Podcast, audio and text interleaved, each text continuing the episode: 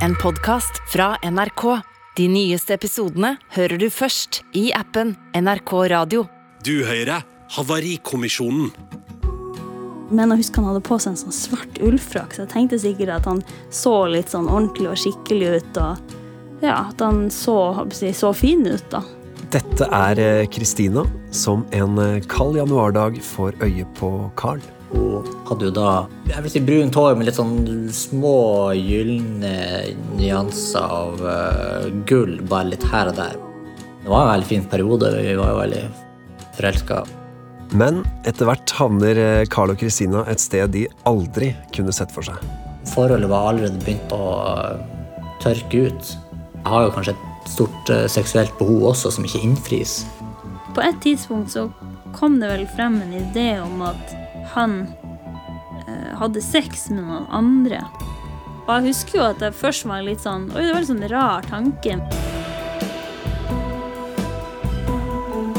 Dette er eh, Havarikommisjonen. Jeg heter Eivind Sæther, og sammen med parterapeutene Sissel Gran og Dimitri Kielland Samoilov skal jeg dykke ned i det som en gang var en eh, lykkelig kjærlighetshistorie, og forsøke å finne ut hvorfor det havarerte. Havarikommisjonen. Og Sissel, det er jo et eh, dramatisk landskap eh, vi er på vei inn i her. Av det lille vi har hørt til nå, så står håret mitt rett til værs. Ja. Ja. Dimitri, hva tenker du om eh, det du hører?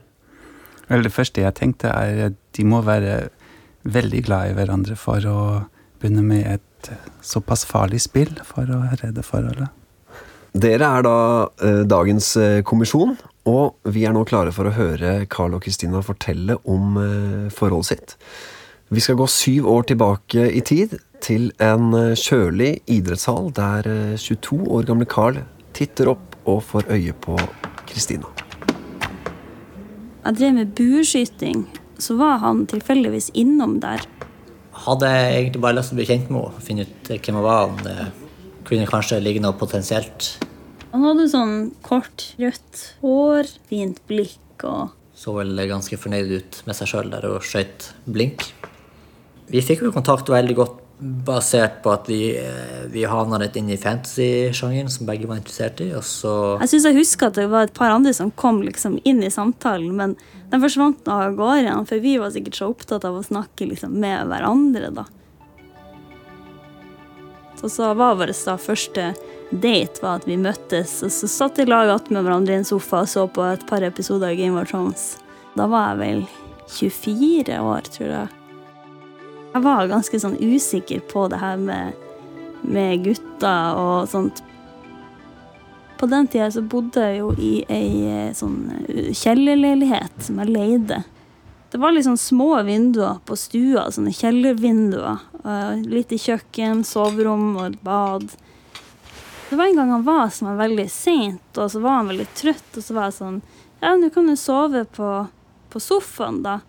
Så jeg husker jeg dro ut sovesofaen, så, men så feiga jeg ut og torde ikke legge meg attmed han, så jeg husker jeg gikk og la meg på rommet mitt. Det var en veldig fin periode. Vi var jo veldig forelska, og jeg var jo stort sett der 24-7. Vi hadde jo begynt med litt sånn klemming og, og kyssing, men jeg husker at jeg måtte ha en prat med han og bare sånn si at, at uh, jeg vil gjerne prøve å liksom gå videre, at vi har samliv og sånt i lag, men, men jeg trenger at vi tar det litt langsomt, for jeg har egentlig ikke noe særlig erfaring på det, det punktet, så jeg er litt sånn usikker på det. Og, men da husker jeg at han var veldig sånn fin og forståelsesfull, og ja da, vi skulle ta det liksom i mitt tempo, da. Jeg hadde veldig mange drømmer og forventninger til forholdet. Eh, Ha en bestekompis å være sammen med, og Kanskje en gang i fremtiden gifter man seg, liksom litt sånne ting. et flott sexliv og Ja, kanskje få barn. Jeg hadde jo ikke noen sånn store ønsker og drømmer om det med barn. Sissel, her hører vi at det, det skjer eh, flotte ting, og de, de, de snakker om barn og sexliv, og de, de har forventninger. Men det er som om forventningene er litt på hver sin kant. Mm, Ja. og jeg prøver å kjenne litt liksom Lytte meg inn i dem. Det virker veldig forsiktig Ja. og veldig avventende. Og at de tenker ulikt om veldig fundamentale ting i et forhold, altså. ja. Både det med barneønske, som er en stor ting, Veldig. men også med sånn fysisk nærhet, seksualitet, hvor hun eh, Men da er et annet sted enn han, høres det ut som. Forelskelsen er jo ofte veldig erotisk. Altså i starten av forhold hvor folk har bestemt seg for hverandre, kanskje, da. Så er jo det en veldig fysisk fase i veldig mange unge menneskers liv. Og disse her er ikke 50. De er noen og 20. Og, det, og du da er det det mangler litt uh, fysikk her i ja, hvor er intensiteten? Hvor er liksom det der inderlige behovet for å være veldig nær og være inni hverandre og under huden på hverandre, sånn som det er nokså vanlig. Altså, fordi jeg tror nesten ikke jeg har møtt noen sånne forelskede, nyforelskede, sånne par som ikke har en veldig sånn intens sammensmeltningsfase, også sånn rent fysisk og erotisk. Jeg, jeg vet jo egentlig ingenting om dem ennå, men mitt bilde er litt sånn som Sissel sa, at virker kanskje begge to litt forsiktig, og litt sånn det, det er nybrottsarbeidet å på en måte gå inn i et forhold. Men når man står der sånn eh, ved starten av et forhold, så er man jo Man er jo så eh, full av håp, da. Man, er- man ser jo for seg hva det her skal bli. Og så lurer jeg på, er det sånn at vi nesten kan ha litt for høye forventninger også? Ja, Det sier jo mange kyniske parterapeuter, syns jeg. Det er veldig viktig å ikke ha så høye forventninger til et Ja. forhold. Men du Men mener det er jo bare tull. Ja, fordi man har jo veldig høye forventninger. Fordi nå kan kanskje den personen bli mitt hjem i livet. Nå kan kanskje dette bli den viktigste personen for meg. Altså en havn, en base som jeg kan søke ut fra, en havn jeg kan søke til når jeg har det vanskelig, mitt trygge sted. Så forvent i vei, på en måte. Ja, altså det, det blir jo ikke kjærlighet hvis det ikke det, det, det kan bli litt intenst, og det kan bli forelskelse, men det blir ikke kjærlighet hvis du liksom ikke gir deg over da, til den andre og tenker at du er mitt trygge sted, du blir mitt det viktigste mennesket, du blir mitt livsvitne, du. Og det, sånn tenker veldig mange. For Sånn det er sett- det vi leter etter. Sånn sett er det jo noe Det de gjør der, er jo noe de gjør riktig, da. Ja. For at alle, når man blir forelsket, begynner jo alle å gifte seg i hodet og har allerede planlagt eh, Det er jo bare tull å tenke at eh, det skal du ikke. Ja, Eh, og disse- disse- du, du må bare være klar til å kanskje bli skuffa. Det er en annen ting. Ja, men det, Livet har jo nok av skuffelser, så jeg tenker du må bare ta de lommene du kan, hvor det er håp og drømmer. Vi har snakket om forventninger, og en av de forventningene som skal vise seg å bli vanskelig å møte for eh, Carl og Christina, er dette ønsket om et godt sexliv. For det viser seg at Kristina Christina har en lidelse som gjør at selv den minste berøring av eh, underlivet er eh, smertefull. Det kunne være at vi lå i senga og hadde oss, og hun plutselig fikk vondt. Da hun på en måte beit seg sammen og bare sa jeg skulle fortsette, liksom, men det var veldig vanskelig å fortsette.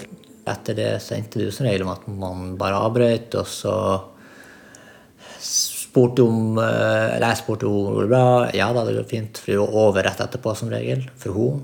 Og så spør hun meg om det går bra, og jeg sier ja, det går fint. Men for min del så er jeg jo på en måte mer og mer frustrert. Det var jo flere ganger jeg pressa meg sjøl for å prøve at vi skulle greie det. For jeg tenkte at nei, det her er bare noe. Jeg må bare liksom komme igjennom. At eh, det blir sikkert bedre hvis vi bare gjør det flere ganger, eller Men så ble det jo egentlig ikke det. Fordi jeg var blitt så vant til at det gjorde vondt, så det ble en sånn automatisk respons, nesten. Og på en måte Jeg vil jo få det til, og For jeg tenkte, det er jo sånn man kjærester gjør. Man har jo samleie. Man klarer liksom ikke helt å skjønne at liksom her er liksom muskler og nerveender som kan forårsake så mye smerte bare ved den minste berøring. Så man kan jo ikke forestille seg hva hun faktisk går igjennom. Og han var jo ganske sånn tålmodig. Jeg husker jeg tenkte jo når vi hadde vært i lag en stund, og jeg hadde de problemene. Jeg forventa liksom at han skulle bare forlate meg hvert øyeblikk. Følte litt på at ok, kanskje han blir å bli lei av meg snart. Uh, man blir jo liksom påminnet på det av og til også. Eksempel hvis man var på en fest eller en sammenkomst, og så skjedde det kanskje en situasjon hvor en av de andre guttene kanskje spøkefullt sa sånn til han da at må du passe deg, ellers så blir det ikke noe på deg i kveld. Og da kunne jo jeg da tenke inni meg at ja, men det blir det jo ikke uansett, fordi jeg er jo ødelagt, eller jeg funker ikke som jeg skal. Og For min del så er jo på en måte fysisk nærhet veldig viktig. Det er det for hun òg, men på en annen måte. For min del så, og jeg vil tro for de fleste mannfolk sin del, så på en måte bringer på en måte sexen eh, er nærmere partneren. Jeg følte jo fort at jeg fikk dekka et greit behov med andre ting enn samleie, mens for han var det kanskje viktigere enn det var for meg. Så han pusha vel på en måte litt mer enn det jeg gjør på det, for det var jo perioder jeg ble veldig sånn passiv, fordi det er enklere å bare unngå det, på en måte. Ja, jeg kjente jo på dårlig samvittighet i forhold til det, da. Det var hun som hadde problemet og hadde det vondt og ikke kunne gjøre noe med det. Kanskje det på en måte også for min del føltes som at jeg burde bare ta meg sammen, liksom, og ja, det her er får du bare leve med. Dette problemet tok jo en del fokus. Det overskygga veldig mye av det fine etter hvert. Det blir veldig stort. Det blir som et sort hull som bare tar og tar mer og mer. Han kunne bli litt sånn, litt sånn irritert og Ja, blir litt sånn kort og frustrert, på en måte. Jeg kunne tenke Hvor ble det av han gode gamle, liksom? Hvor at ja, litt av den der omsorgen og forståelsen som hadde vært før, forsvant litt. Man begge ble frustrert på hverandre, egentlig. Nei, altså det, Frustrasjonen min ga som regel bare på uttrykk fra innenfra. For jeg har alltid vært en sånn person som har vært åpen om følelsene mine. Men en frustrasjon kan jo fort boble til en aggresjon, og jeg er en veldig lite aggressiv person. og tyr veldig sjelden til sinne, eller uh, i hvert fall ikke vold, liksom. Det blir nesten litt sånn mas. Mas utenfra, det er mas fra resten av dagen min, og det er mas innenfra. At jeg på en måte bare bobler ut og bare skriker ut i raseri. Midt i bilen i trafikken, liksom, og hun blir sånn skremt. Hvor kommer det her fra? Og så sier jeg unnskyld liksom, uh, seinere, liksom, men jeg, måte, jeg, føler meg så sint. Jeg har et enormt raseri overfor noe. Carl har et enormt raseri. Sissel, Ja. er, det, er det lett å forstå det? At han er sinna? Ja, han sier han har et enormt raseri overfor noe. Um, han greier sannsynligvis ikke å si helt hva det er. Altså, men dette er jo en mann som føler seg veldig avvist. Og hjelpeløs. tenker jeg Han vet ikke hva han skal gjøre. Fordi for han kommer ikke gjennom hos henne. Altså, og, og sexlivet deres har allerede gått inn i en ordentlig fastlåst sånn loop. Dimitri, er, er, det, er det sånn at dette her handler om en slags seksuell frustrasjon? Det tror jeg ikke. Jeg tror faktisk det her um, Jeg får helt frysninger når jeg hører dem fortelle. Han er jo fryktelig glad i henne. Og så å oppleve at uh, istedenfor å utløse gode følelser i henne og trygghet i henne, så gjør han henne vondt. Og han føler seg sikkert dårlig, liksom, tenker dårlig om seg sjøl. Og så blir det en loop for henne fordi hun gruer seg, selvfølgelig, til at det skal bli noe snakk om sex i det hele tatt. Sånn at hun får en Det utløser en stressrespons i henne bare han liksom signaliserer interesse. Hva bør de egentlig gjøre her? Hvis man klarer da i sånne situasjoner å på en måte snakke med hverandre om det å være Utvise litt selvmedfølelse i situasjonen og i stedet for å, å I stedet for å være selvbebreidende. Men de kunne trengt å, å sette seg sammen og si 'fy søren, det er synd på oss'. Er synd på oss, og hva skal vi gjøre med dette her? Og kan vi få noe hjelp, liksom? Men før vi bare forsvinner helt ned i mørket Ja. Ja, eh. Sex skal jo være en fin ting.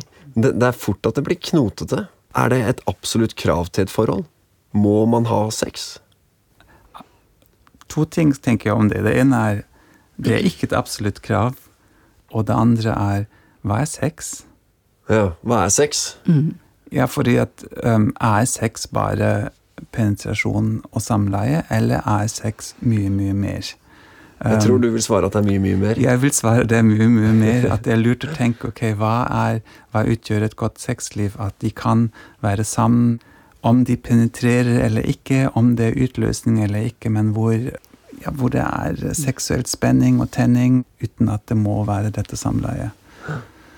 Men du vet det heterofile skjemaet, da. Forspill én. Kort. Vi koser og vi hygger, og vi legger opp til del to, som skal være det penetrerende samleiet, og det skal være veldig flott. Og han skal få utløsning, og hun skal få det. Men så Høres ikke så flott ut når du sier det på den måten. Nei, nå tar vi det skjematisk. Ja. Det er sånn det ofte er. Og så er da problemet hvis del to er forventet å gjøre vondt.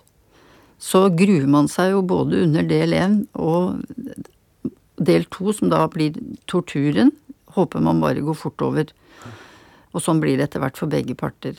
Altså når det er en smertefull tilstand involvert. Og det er ikke forent med å ha et eh, morsomt eh, samleie. Nei. Men for folk flest så er jo veien til et eh, morsomt eh, samleie enklere. Mhm. Og det jeg egentlig lurer på eh, Må vi ha sex? Må, Ja, altså- må vi ha sex? Ja, må vi ha sex? Ja, men hør da, Men- Eivind. ja. Dette er to Altså, hvis det er to gamliser, som jeg, da. Jeg er Ja. gamlis. Ja. eh, Må og du ha sex? Jeg må ikke det Nei. hele tiden, og kanskje ikke i det hele tatt, nesten. Fordi, og hvorfor er det sånn? Jeg har hatt mye av det. Ja. Jeg har hatt det utrolig festlig. Ikke sant? Jeg har ikke gått glipp av noen ting. Skjønner du? Ingenting. Og nå skal jeg stille helt feil spørsmål, da, men når, når er det man bør begynne å bli stressa for at man ikke har nok sex? Jo, det må jo være Altså, når du, når du kjenner Når du kjenner at du begynner å bli, gå i frø. Gå i frø? Ja, altså du kjenner at her øh, Er det sånn livet skal være? For det er det veldig mange tenker. Altså når et forhold er blitt sånn, og det er blitt veldig lite sex, og den ene kanskje syns at det er veldig frustrerende og veldig trist. Så det, det er en sorg knyttet til det. Hvis man kjenner at her, nå lever jeg i et forhold hvor jeg kanskje må pakke det helt bort. Så det er uavhengig av alder. Men, men Sissel, jeg syns kanskje de bør snakke med hverandre om det før noen går i frø. Jeg er helt enig. Og så er det jo et eller annet alltid når det er underlivet som gjør det Mm. hakket mer skambelagt. Fikk vel en diagnose etter hvert. Vestibulitt. Ja. Og dette visste ikke jeg, Sissel, men dette er jo denne type problemer er det jo mange kvinner som sliter med.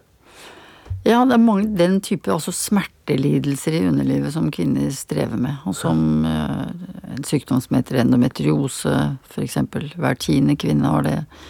Det blir ikke oppdaget, eller, og, ikke, og de får ikke vite det At det faktisk er noe som feiler dem. ikke sant? Sånn at de går og tenker Og dette har jeg opplevd selv. Så, men ti år lang kanossagang for å få en diagnose som, eh, som heter endometriose da, fra jeg var 14-15 til jeg var 25 år. Som du fikk selv, da? Ja, ja. og det, så jeg, jeg har stor forståelse for denne, dette paret og hva som skjer med dem i, i den prosessen de går gjennom. Når de har, altså når det, noe av det mest intime vi gjør, og som liksom skal være så gledesfylt, nemlig sexlivet, når det virkelig bare blir brennende smerte og frustrasjon, det er veldig vanskelig for et ungt par. Men, men hva gjør det med deg over tid da, når du har det? Det som skjer med mange som har det sånn, kvinner som har det sånn, de føler seg veldig ensomme. Fordi alle de andre har det så bra, alle andre venninner har det så bra, de har mye sex, de har det mye gøy. Ja. Og så er det ingen som skjønner det. Og, kjærester syns jo dette er fryktelig vanskelig. Altså unge menn som blir avvist pga. Av dette her. Skal han måtte leve som en munk resten av sitt liv sammen med henne, og skal hun på en måte føle at hun har stoppet han i noe han ville hatt stor glede av resten av livet? Det er jo veldig vanskelig å tenke på at det skal være sånn. Så de lever begge to det han beskriver som et sånt sort hull som på en måte hele tida tar krefter. Men det er jo det som skjer, sånn som også skjer i dette paret her, fordi hun ikke kan levere, for å bruke et sånt markedsliberalistisk møkkaord. Eh, fordi hun er redd for at han kanskje vil veksle henne ut fordi han ikke får det han vil ha. Så hun går og er redd for det, antageligvis. Vi skal eh, eh, bevege oss videre i historien om eh, Carl og Christina og høre hvordan det går med dem nå. Vi hadde jo hatt noen sånne runder hvor vi vurderte sånn Kan vi være lag eller ikke? Men så endte vi alltid opp med at nei, vi, vi, vi har det jo ganske bra i lag, og vi, vi fortsetter. Vi prøver å finne ut av ting. Så det, vi snakker om det, og vi blir ikke klokere. Det føles så feil. og eh, være i det forholdet, men det føles enda mer feil nesten å gjøre det slutt. For vi har det jo så bra ellers. Vi er jo så fantastisk med hverandre. Hun var jo min beste venn. Hun verdsetter jo mye av det samme. Men ingen av oss var jo egentlig noe sånn som dro ut på byen eller dro på fest, egentlig. Så vi likte ofte å bare være i hverandres selskap og heller ha en koselig kveld hjemme, på en måte. Så vi bestemte oss for å ja, få en hund, da. Det hadde jo alltid jeg lyst på. Og jeg var litt skeptisk i starten, men det igjen med at han snakka om skal vi skal vi skaffe oss en hund, gjorde at jeg følte ok, han har ikke gitt meg opp, selv om han nå kan være frustrert og, og sånt. At han tenker at vi, vi fortsatt er i lag. Når det kom over til det manglende sexlivet, så eh, fikk jeg jo henne til å oppsøke en ny behandling som vi hadde lest om. Så jeg tror vi var på en ganske sånn bra oppsving. Sånn. At vi med hund, og, og at jeg var begynt med behandling. Og han var glad, og jeg var glad. Vi feira med en is, og det var liksom god stemning. Og så henta vi oss en, eh, en svart labrador som var veldig, veldig søt og fin. Og, og veldig sånn stor spenning når vi kjørte ned. ikke sant, Å faktisk få hund da, i levende live. og vi liker jo å kjøre bil, så vi bytta på å sitte bak med valpen. da, og så Hver gang hun våkna, så stoppa vi og gikk ut så hun fikk tisse. og Posta bilder på Facebook med oss tre i lag og skrev sånn 'Nå har vi blitt en familie på tre', eller noe sånt. Det her var vårt nå, liksom. Og det var sånn Oi, vi har ansvar for et liv. Så det var der og da jeg kjente også at det her er liksom barn for meg, altså. Det det her føler jeg er liksom eh, ganske stort ansvar allerede med, med en hund. da, og Ja, mens jeg følte at, liksom, at jeg hadde vekt liksom et sånt farsinstinkt i meg. Så det ble kanskje litt bare sterkere, og jeg liker å ha jeg, føler av og til det er nok med meg sjøl og mine nærmeste rundt meg. Og så kjenner jeg også litt på det at det er en såpass stor livsomveltning og en stor avgjørelse i livet med barn. Nei, altså vi, vi krangler jo aldri om barn eller generelt, egentlig. Og jeg ble liksom aldri lei meg at liksom Nå blir det ikke barn. Uh, men uh, det var nok heller mer sånn at ok, jeg er veldig glad i henne, men er det i fremtid her? In the end så er det jo viktig for meg å være sammen med noen som er i hvert fall åpen for å få barn. Sissel, må man ha barn? Det er vanskelig, altså. Nei, nei, altså man må slett ikke det. Men da er det fint hvis begge er enige. Ja. Men hvis den ene veldig gjerne vil ha barn, og den andre ikke vil ha barn, da blir det Det er så sårt. Hvordan løse det, altså? Hva tenker du, Dimitri? Nei, det, det vi ser, er jo at det er ofte et sånn knekkpunkt i et parforhold at uh, det blir for vanskelig. Det blir for uh, forskjellige livsstrømmer man har. Og er det uløselig, eller fins det Det fins ingen kompromiss, i hvert fall. Du har enten barn, eller så har du ikke barn. uh, og du har det ansvaret, eller du har ikke det ansvaret. Um, så det er vanskelig å finne en, en mellomting. Du kan ikke ha litt barn. Nei. Men hun har vel kanskje tenkt at ok, hun da. Hun er liksom litt barn. Ja. Den kan du kjøpe. Den kommer utenfra. Ja. Og så blir man en slags familie. Man får et virkelig sånn samlende prosjekt da, rundt det å ha en hund sammen. Det er mange som velger eh, den veien. Ja, og veldig mange sier jo det. Hunden er barnet vårt. Ja. Eh, Og det Da bør du få seg et barn, for det er ikke helt det samme. eh, Du har jo noen, så du vet at Ja. Men Sissel, er det sånn, opplever du det at, at par ofte kommer At man liksom At man kjører fram til sånne porter, eh, og der er det liksom Der er det stopp. Der er det enten-eller. Jeg tror at det, det med barn for mange du, Der står du virkelig foran en veldig stor port, ja. Fordi du vet, du vet at eh, går vi gjennom den porten sammen, med barn, foreldreskap, så sitter vi i det. Da blir jeg aldri kvitt deg. Det tenker nok noen på, og jeg vet at noen tenker at barn med deg, nei, fengsel. Fangenskap for alltid. Altså at det. Den ene parten kan kanskje rett og slett ikke ha noen sånn drøm om å bli forelder, ikke sant? For det må vi passe på, ikke sant, Mm. eh, Sissel, at eh, Noen ganger blir jo det å ikke ville ha barn blir liksom bortforklart som en slags sykelig tilstand. Det er selvfølgelig en stor belastning for de som faktisk ikke ønsker Ja, ja, å ha barn. Det er helt ok å ikke helt Ja, å ha barn. er du gal? Altså, det har jo vært mye sånn kastet mye skam på dem. Mm. At du er liksom en kjempeegoist. Jaså, jaså, du skal bare drive med deg det Jeg er ditt forstår dem eget så liv, liksom. godt. Jo flere barn jeg får, Ja. jo lettere er det å forstå dem. ja. Nei, men det er mange andre ting også, vet du, som er sånne For jeg, jeg tenker at hvis den ene parten inderlig ønsker dette, og hele tiden får nei fra den andre, så vil den personen ofte oppleve det som et slags identitetstap. Altså, skal jeg aldri få oppfylt den drømmen. Og det kan føles som et sånn dødsstøt for ens egen sånn livsdrøm. Det, det Um, rammer jo dette tilfellet med dette paret. Hvis du husker i begynnelsen av forholdet, så snakker han jo nettopp om det. mm, Sine drømmer for et samliv og for eh, et familieliv. mm. Hvis vi nå um, spoler tilbake til uh, paret vårt, hva er det de må tenke på nå? Altså, uh, Fins det en mulighet her? Er det håp der? Ja, det er et komplisert regnestykke, syns jeg, i det parforholdet. Fordi det er sånne ultimate ting der. Altså det med barn, ikke barn, er et stort problem. Eh, og at de kanskje lever sammen litt som søsken, da. Altså vi vet jo at veldig mange par eh, kan leve veldig godt sammen som venner. Altså med mye omtanke og omsorg og varme. Men jeg tenker jo når par er så unge, så, så er liksom livsløpet de skal se for seg fremover der, det er så langt. Mm. når vi hører på dem her, så jeg, jeg bare satt her og tenkte man kan jo ikke annet enn å være ganske glad i dem, egentlig. Ja. Når, du, når du hører dem, og hvor mye hvor mye dette vennskapet har betydd for dem. ikke sant? Det er mye å gi opp til tross for alle disse belastningene, så jeg skjønner jo at eh, det ikke blir en lett vei, da. Og den uh, veien skal vi følge videre nå. Eh, vi har hørt at Carl og Christina eh, strevde med et eh, krevende sexliv. Og eh, frustrasjonene knyttet eh, til det blir etter hvert eh, bare større.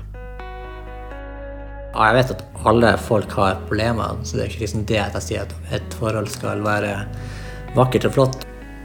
Men de aller fleste har jo et i hvert fall ok sexliv. Jeg kunne ikke ta det samlivet uten sex. Det går ikke. Det er ikke sånn som jeg er skrudd sammen.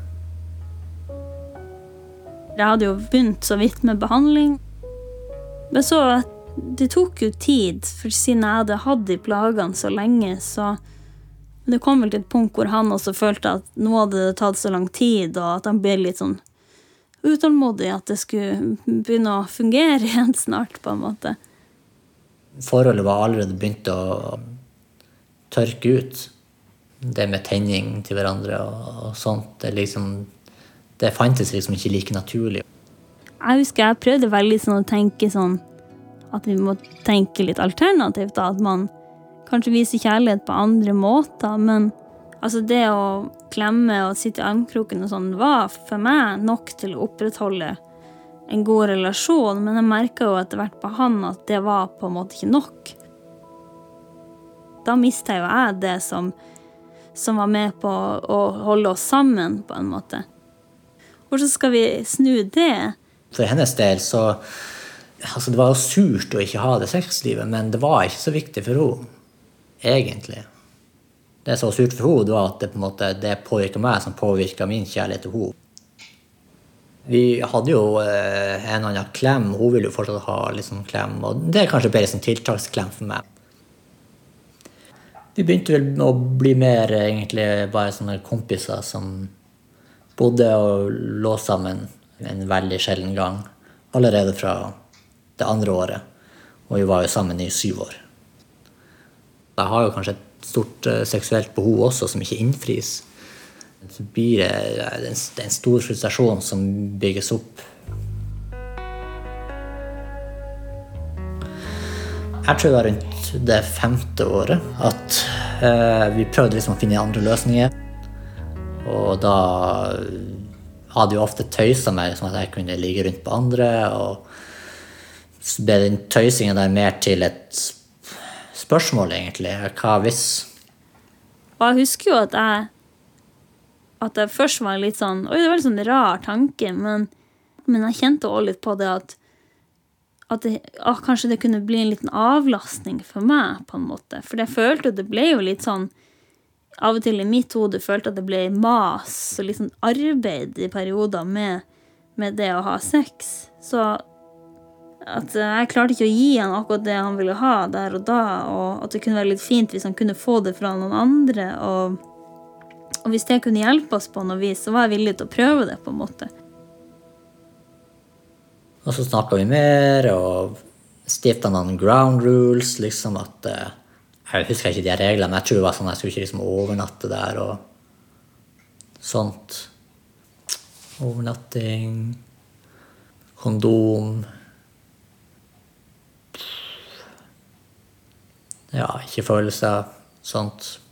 Og så fant jeg og, og eh, Han fortalte meg at han hadde funnet ei, og så huska jeg at han skulle dra av gårde da. Og da huska jeg det var litt sånn, jeg tenkte sånn Kanskje han forsvinner, og at jeg aldri ser han igjen. Tenk hvis han blir sånn hodestups forelska i hun her andre og, og stikker av gårde med henne. Så jeg husker jeg var litt sånn eh, På en måte litt sånn nervøs for det. Men så var jeg sånn Nei, men han sa jo at han bare vil ha samliv. Han vil ikke gjøre noe mer. ja, hadde liksom hun som en partner en, en stund. Jeg har et sånt forhold at sex kan jo bare være sex.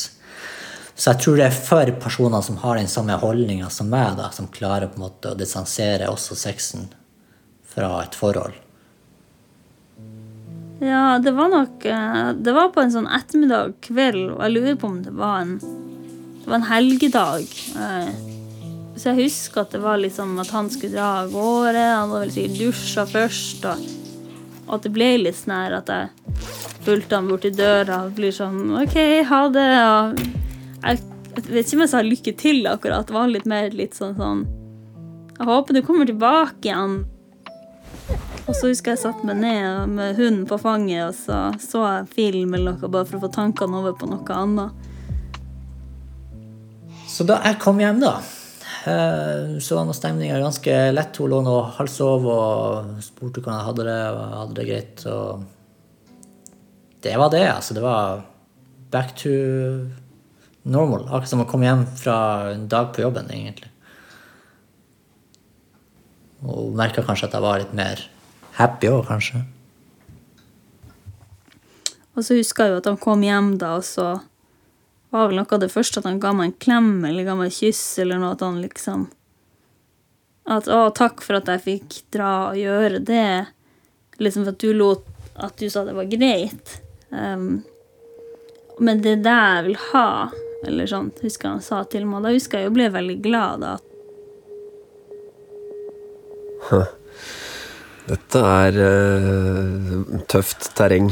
Å ha sex med en annen for å redde forholdet. Det høres eh, risikabelt ut. Ja, det bringer en fare inn i forholdet, fordi um, Altså av mange grunner, men en helt sånn konkret grunn er jo at å, å ligge med noen og ha sex, det utløser en del hormoner som også er knytta til å lage tilknytning og, og lage Ja. bånd. Sånn at det er farefullt. farefullt. Jeg syns jo alt det her høres uh, litt for spennende ut for meg. Men, men jeg tenker, Sissel, er, det, er dette dømt til å mislykkes? Eller kan det fungere? Altså, Vi bør ikke være, sitte her og være prippende, altså, for det er mange måter å leve sammen på. ikke sant? Ja. Og det gjør jo mange der ute. Som Dimitri sier, ikke sant? At det, og, og folk har kjøreregler, og mange flere enn de vi aner har åpne forhold og forhold til andre partnere. Og det går bra så lenge det ikke truer det kjerneforholdet som de to har til hverandre. Men det skal litt til å få det til. Men men når han sier at uh, dette er ute i det femte året, at dette, mm, denne ordningen oppstår, da, for at forholdet skal overleve Så når han da fremstilles litt her som en som har et veldig sterkt seksuelt behov, og at du verden, liksom Jeg kan ikke si jeg syns det. Det virker jo ikke det. Nei, virkelig. Jeg syns at eh, vi må jo kunne si til han at kjære deg, Vi, vi har ikke noe problem med å forstå at dette er ekstremt frustrerende. At det ikke er nok for en ung mann å sitte i armkroken med kos og klem resten av sitt liv. Ja, for man kan si mye eh, fint om kos og klem, men det, det er jo noe eget å virkelig få lov til å kjøre på, som man eh, har lyst til. Både som 20- Ja. og 30-åring. Ja, for hvor skal han gjøre av begjæret sitt? Det er jo vel er gjerne ikke- problemet der, ja. Ingen av dem vil egentlig ha forholdet på denne måten. Han sier det er hans drøm om å ha et forhold med god sex og få barn og få familie. Det er ikke hans drøm om et forhold at han ligger med noen andre på si. Nei. Det er jo ikke det de vil. Da er det dømt til å mislykkes. Ja. Det er en reserveløsning, ikke sant.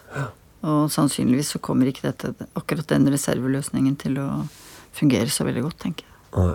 Men spenstig reserveløsning. Jeg syns de bør få øh, veldig kred for det, du verden, altså. Og at de virkelig jobber iherdig med å bevare forholdet sitt. Ja. Det er jo kjærlighet her. Absolutt. Men, men er det sånn for Vi hører jo at noe skjer med ham. Og jeg tenker på eh, alle de der ute som syns det er for lite sex. Vil det være sånn at mangel på sex alltid dreper eh, nærheten? Han sier det jo selv. Han sier jo at det blir en sånn tiltaksklem, er ikke det ordet han bruker? Altså fordi han mister jo lysten. Han mister jo tenningen, han. Det er jo som å få elektrisk støt da, hver gang du prøver liksom å strekke frem labben. Du slutter jo å strekke frem labben da. Ja. Når én mister den lidenskapen, eh, den nærheten, er det noe man kan gjøre for å liksom blåse liv i det igjen? Altså, er det til å redde? Noen ganger er det til å redde når man eh, kan finne tilbake til eh, den, det erotiske vesenet man har sett i den andre før. Ja. Altså når man Lete Kan- dypt. Ja, eller ofte må man ikke lete så veldig dypt. Man må kanskje begynne å gjøre med de tingene som man har sluttet å gjøre. Hvis hverdagen er helt tømt for seksuelle stimuli og helt tømt for flørt, helt tømt for tilnærmelse til hverandre, og alt handler bare om administrasjon og logistikk, så um, Så du må inn med de små tilnærmelsene, inn med de små tingene. Ja. Disse øyeblikkene. Ja. For jeg tenker sånn, å, å skrive en helt ny eh, meny når du har vært sammen i 15-20-30 år, det er jo ikke så lett. Nei, men det kan jo være lurt å sette seg sammen og si at nå er det ganske dødt, og kan vi nå kanskje for første gang begynne å snakke om hva vi egentlig lengter etter seksuelt, hva, hva våre fantasier Det er. høres så vanskelig ut å si høyt. Ja, ikke sant? Bare du kjenner hvor skummelt det er å ha Ja. den samtalen. Um, hvor mye enklere det er å bare fortsette med det man har holdt på med, istedenfor å åpne den døra. Mm. Det er jo det. Men hvis vi tenker at begjær trenger litt noe som er litt spennende, da, og litt eh, fremmed. For vår idé er jo ofte, det er som terapeuter, Dimitri, at bare det er trygt nok, nært nok, varmt nok og, og kjærlig nok, så kommer sexen også, og så kommer erotikken. Det er ikke alltid riktig, men fordi begjæret næres jo noen ganger av ja, det fremmede, det spenningsfylte, det hindring, eller noe litt farlig. Og det er klart at um, når et par slutter å utforske hverandre i det hele tatt, og bare ser på og tenker om den andre at jeg kan det som en åpen bok Men hvis du begynner å kjenne på at jeg vil ikke miste deg. Det er noe ved deg som er fantastisk. Det er noe hvor altså Hvis du begynner å kjenne på den fremmede i den andre, da. Altså, det kan være flaks at det skjer noen ganger med folk. At de er på en fest, og der står en annen og klorer litt på kjæresten din. Og da kan det skje noe veldig underlig, fordi da vil du noen ganger plutselig se at kjæresten din er jo Det er en vei inn til begjæret det kan være en vei inn til begjæret. At du da, da går dere hjem, og så får du veldig lyst på kjæresten din, og har ikke hatt på lenge. Et parforhold går jo i bølger, og begjæret går i bølger, ikke sant. Vet du, I gamle dager så var det noe som het Når folk gikk fra hverandre. De passet ikke sammen seksuelt. Da skjønte alle det. Ah, Da sa de nei. Nei, da går det jo ikke. sa dere det til hverandre i gamle Ja, dager? ja. Um, og spesielt når jeg tenker på det paret her, da, noe fungerer åpenbart ikke ganske tidlig. Um, jeg tror det er farlig å ikke på en måte høre alarmklokkene. Ja, det er klart det. Men er det ikke også sånn, da, Dimitri og Eivind, at i et tidlig forhold, et ungt forhold For nå, vi er jo, sitter jo her og er sånne parterapeuter, og vi, alt skal arbeides med. noe må jo kunne gå av seg selv. Det er nemlig noe med det. Jeg er helt enig. Det, Det, er jo altså, det er jo i helvete hvis du skal måtte arbeide med alt fra første stund som om du var på jobben. Ja, det er det som er uh, veldig sant, det du sier. For det er veldig trist med par hvor forholdet begynner sånn.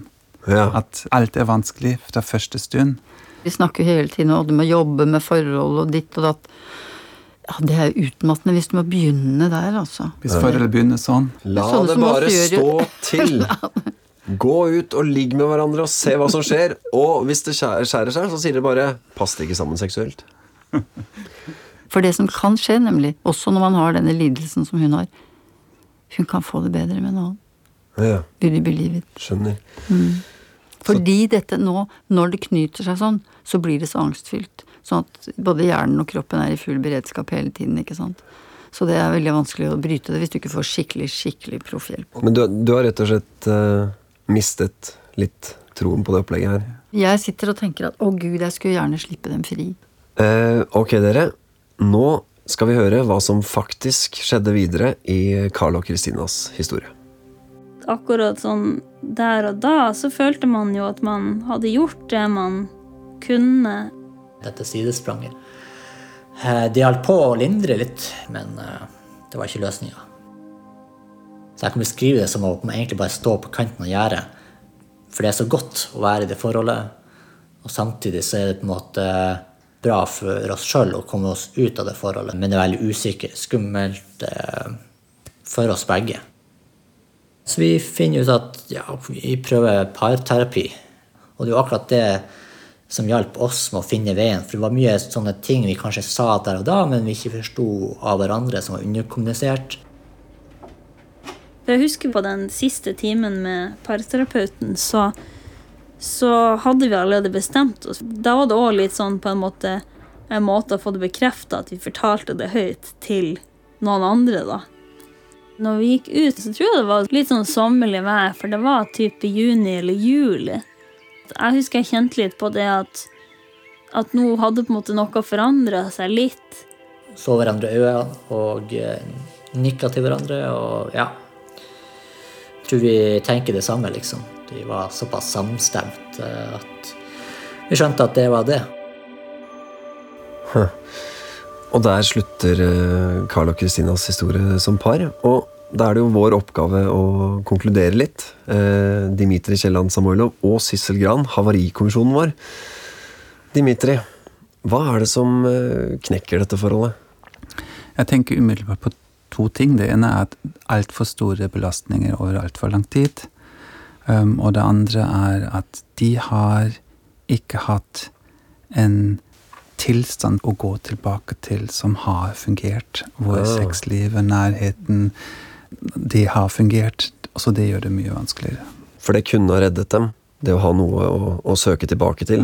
ja. Sissel, de er jo uh, sammen lenge i, i, uh, i store problemer, egentlig. Hvorfor er det så vanskelig innimellom å gjøre det slutt? Ja, det er det som er interessant, for de bruker mange år og strever i vei og gjør alt de kan. Altså, de gjør virkelig så godt de kan, begge to. Men det er jo dette som er øh, dypt menneskelig, da. At vi er veldig tilknytningsorienterte. Vi utvikler et emosjonelt bånd til den andre som blir brennsterkt. Og vi har veldig mye separasjonsangst i oss. Vi er redde for å miste det vi har. Altså, vi vet hva vi har, men vi vet ikke hva vi får. Og vennskap og omtanke betyr veldig mye i et forhold. Det er eh, vi er veldig er, Frihet er skummelt. Men, men burde vi vært flinkere til å gå fra hverandre der ute? Tror- Noen ganger. Ja, kan, altså, det går an å si det. Um, faren til en kompis av meg Han pleide alltid å si da vi var unge at eh, gutter, dere skal ha mot til å bli sammen med noen, og dere skal ha mot til å gå fra dem. Det er egentlig ganske bra sagt. Ja. Vi burde jo også kanskje si at noen ganger så er det å gå til parterapeuten en veldig bra måte å lukke et forhold på. Ja, Ja, Man kan få hjelp til å avslutte noe som man ikke selv greier, ja. For man drar det ut. For ting det. blir tydeligere. ting blir tydeligere. Man tør å si ting. Carl og Kristina, nå har jo dere fått høre hva kommisjonen sier om eh, forholdet deres. Kristina, er du enig med det terapeutene sier? Ja, jeg føler jo at de er jo inne på noe da, så blir det litt sånn mm, ja, det, det burde man kanskje sett sjøl, eller ja, får et lite sånn aha-øyeblikk underveis. Men det var en fin opplevelse, egentlig. Var det noe spesielt du, du merka det? Det var litt sånn at de hadde sånn sympati med oss, da. Så ja, så var det var litt hyggelig på en måte å få en sånn bekreftelse på det. da, At du følte at ok, vi har gjort det vi kunne, nesten. Carl, er det sånn at det også for deg er litt ålreit å høre at uh, dere virker som et par som prøvde alt?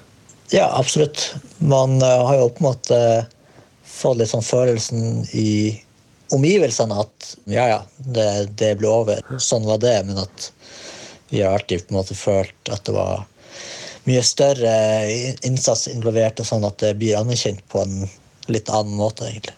Og hvordan er uh, forholdet deres uh, i dag, vil du si? Nei, Vi har et kjempegodt forhold. Vi har jo en hund som vi har på deling.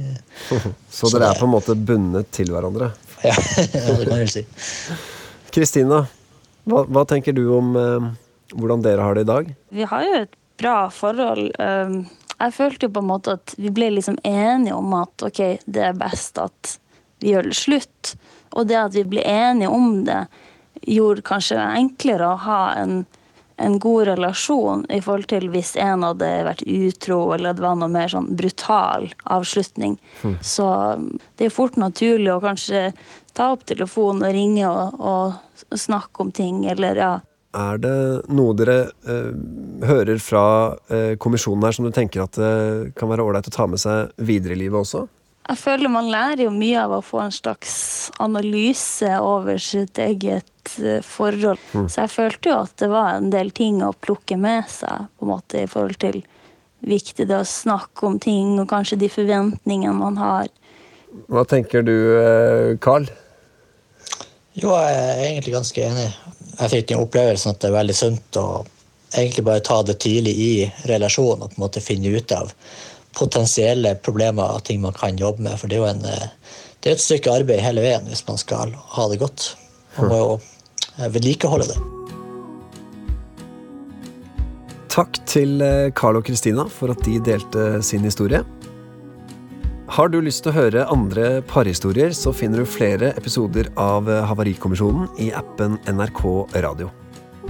I neste episode møter du Hilde og Jon. Vi slutta å snakke sammen. Det var sånn mute-knapp, at man skrudde av og beit i seg ting. Jeg husker at jeg irriterte meg over alt han gjorde, og jeg skjønte at det var ikke bra. Vil du og din ekskjæreste dele deres historie og høre hva parterapeutene har å si om forholdet deres, så sender du en mail til havarikommisjonen krøllalfa nrk.no.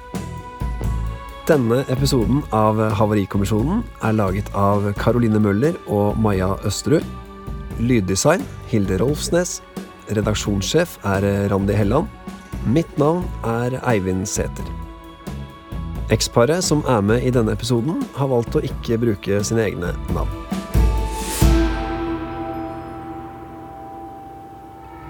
En podkast fra NRK. Hele Norge kryssforhører, etterforsker, analyserer og avslører bløff. Hei, jeg heter Sara Natasha Melby. I Maskorama-podkasten får du eksklusive hint som du ikke får noe annet sted bare i appen NRK Radio. Gjett hvem som skjuler seg bak maskene. Hør Maskorama-podkasten i appen NRK Radio.